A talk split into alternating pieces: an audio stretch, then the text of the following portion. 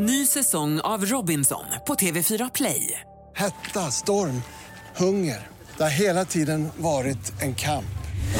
Nu är det blod och tårar. Fan händer just nu. Det. är Detta är inte okej. Robinson 2024, nu fucking kör vi! Streama söndag på TV4 Play. Du lyssnar på en podcast från Expressen. Fler poddar hittar du på expressen.se podcast och på iTunes. Det här är Expressen Dokument om en grannfejd i tusen år av Arne Lapidus som jag, Johan Bengtsson, läser upp. Tusen år av ömsesidig misstänksamhet.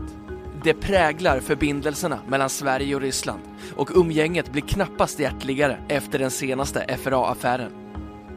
Till bilden hör också historisk gemenskap, kulturell påverkan och genuin vänskap i kombination med vaga minnen av blodiga krig om kontrollen av Östersjön.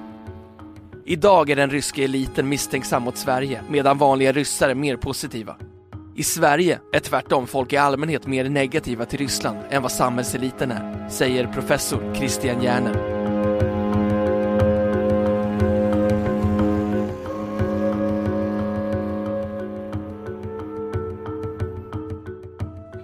Många vikingar for i österled och hamnade för mer än tusen år sedan i det som är dagens Ryssland. De seglade över Östersjön i sina drakbåtar och härjade bland lokalbefolkningen enligt tidens sed. Många av dem slog sig ner för gott i det nya området. Den ryska Nestorkrönikan från början av 1100-talet, som till stor del är en legend, berättar hur lokala stammar bjöd in vikingahövdingen Rurik att härska över dem. Vikingar grundade de viktiga stadsdelarna Novgorod och Kiev som så småningom utvecklades till det första ryska tesardömet.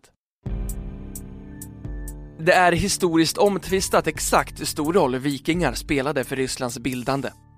Under senare århundraden utkämpade Sverige och Ryssland stora krig om herraväldet över Östersjön. Det handlade om att kontrollera handeln, till en början gick det bra för svenskarna som lyckades besegra den redan då mycket större grannen i öster och Sverige blev en regional stormakt. Men efter Karl XIIs nederlag i slaget vid Poltava 1709 var det bara en tidsfråga innan den svenska stormaktstiden var över. Efter flera förlorade krig tvingades Sverige 1809 avträda Finland, den östra rikshalvan, till Ryssland. Därmed var den ojämna matchen definitivt slut. Svenskarna har inte ens varit på banan sedan dess, utan mest ägnat sig åt signalspaning som irriterat men aldrig hotat ryssarna. Precis som med FRA idag. Ryssland har alltid haft större folkmängd och krigsmakt, men under 1600-talet var ryssarna upptagna på annat håll.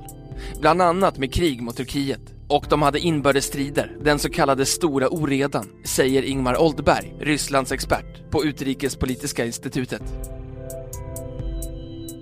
Därför kunde Sverige dominera under 1600-talet och ta total kontroll över Östersjön. Efter Karl XII tappade vi Baltikum och Ryssland tog över som stormakt. Ryssland växte i styrka och tog Finland 1809. På grund av styrkeförhållandena var det ofrånkomligt att Sverige förlorade till slut, säger han. I det läget räddades Sverige av att landet fick den franske marskalken Jean-Baptiste Bernadotte som kung han var en av Napoleons närmaste män och under namnet Karl XIV Johan la han om den svenska utrikespolitiken radikalt. Han styrde Sverige in i en allians med arvfienden Ryssland och fick en union med Norge som tröstpris efter förlusten av Finland. Stämningarna i Sverige fortsatte trots detta vara revanschinistiska under stora delar av 1800-talet. Precis som de hade varit under 1700-talet då Sverige drogs in i flera krig mot Ryssland. Hela 1700-talet präglades av konkurrens och konflikt mellan Sverige och Ryssland. Fram till mitten av 1800-talet såg Sverige Ryssland som fiende och i Ryssland såg man med misstänksamhet på Sverige. Efter förlusten av Finland 1809 hade den svenska eliten fantomsmärtor i 100 år, säger Christian Järner, professor i historia vid Lunds universitet. Efter Krimkriget utvecklades i alla fall kulturella och ekonomiska relationer. Affärsmän som bröderna Nobel verkade i Ryssland. Samtidigt kvarstod misstänksamheten i svenska militära kretsar. De svensk-ryska kontakterna bröts under första världskriget och ryska revolutionen. Sen hade Sverige en bild av det sovjetiska Ryssland som ett kommunistiskt hot. Sovjet såg demokratin i Sverige som en utpost för det västliga systemet, säger han. Christian Järner beskriver hur den gamla rysskräcken gick över till kommunistskräck efter den bolsjevikiska revolutionen i Ryssland 1917. I Sverige har den breda allmänheten kvar bilden av Ryssland som ett konstigt mystiskt hot. Däremot vet den svenska samhällseliten mer om Ryssland, särskilt vissa kulturkretsar, säger Christian Järner. I Ryssland är det tvärtom. Där är eliten betydligt mer misstänksam mot Sverige än vanligt folk. Den ryska makteliten med Vladimir Putin i spetsen har en paranoid världsbild där Sverige är en del av sammansvärjningen mot Ryssland, säger han. Under det kalla krigets decennier förmörkades de svensk-ryska förbindelserna av en rad affärer. Diplomaten Raoul Wallenberg försvann i sovjetisk fångenskap 1945. Sovjet sköt ner ett svenskt spaningsplan av typ DC-3 och ett sjöräddningsplan av typ Catalina 1952. Överste Stig Wennerström greps som sovjetisk spion 1963 och förre stabsofficeren Stig Bergling greps som spion 1979. Och 1981 gick en sovjetisk ubåt på grund i Karlskronas skärgård. Under 1990-talet, efter Sovjetunionens fall, förbättrades de svensk-ryska förbindelserna rejält. Höjdpunkten var dåvarande ryske presidenten Boris Jeltsins besök i Sverige 1997. Under 90-talet var Sverige och Ryssland ganska välvilligt inställda till varandra. Sverige hjälpte till med SIDA-projekt, säger Ingmar Oldberg, forskare på Utrikespolitiska institutet. Sen på 2000-talet svalnade relationerna igen. Sverige motsatte sig Nord Stream, den ryska naturgasledningen genom Östersjön. Och Ryssland tyckte väldigt illa om Carl Bildts uttalanden om Georgienkriget. Under senare år har mänskliga rättigheter och demokrati seglat upp som viktiga frågor. Sverige håller hög profil i båda och det väcker irritation i Ryssland, säger han. Svenska Rysslandkännare tror inte att den nya FRA-affären kommer att påverka förbindelserna mellan Ryssland och Sverige. Det är sedan länge känt att Sverige ägnar sig åt signalspaning och samarbetar med NATO. De visste om signalspaningen sedan tidigare, säger Christian Järner. Nu har det ju blivit offentligt i hela världen att Sverige är förankrat i NATO-sfären. När ryssarna redan vet om det kanske det är lika bra för Sverige att löpa linan ut och bli medlem i NATO, säger han. Mats Johansson, riksdagsman och författare till boken Kalla kriget 2.0 som utkom tidigare i år, kallar den svenska signalspaningen mot Ryssland för världens mest kända hemlighet. Sverige har signalspanat sedan 40-talet. Det är inget att förvånas över. Det ligger i Sveriges intresse. Det sker inte på uppdrag av USA, säger Mats Johansson.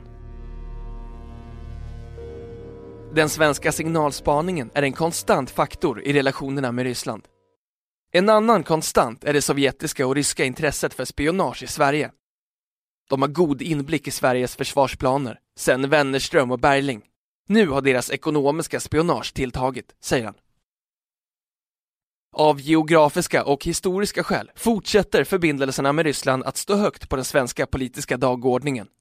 Ett odemokratiskt Ryssland med maktpolitiska ambitioner är en osäkerhetsfaktor i det svenska närområdet, precis som det varit i hundratals år. Sverige var regional stormakt på 1600-talet. Sedan dess är vi en obetydlig gränsstat. Vi är bara en liten bricka i spelet för Ryssland, säger Ingmar Oldberg.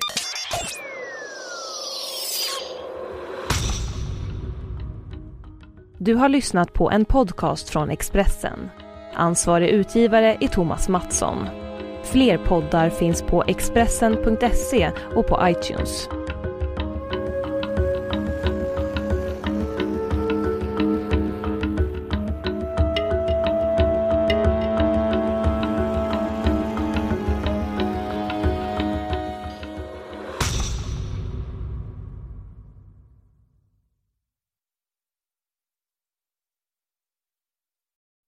Säsong av Robinson på TV4 Play.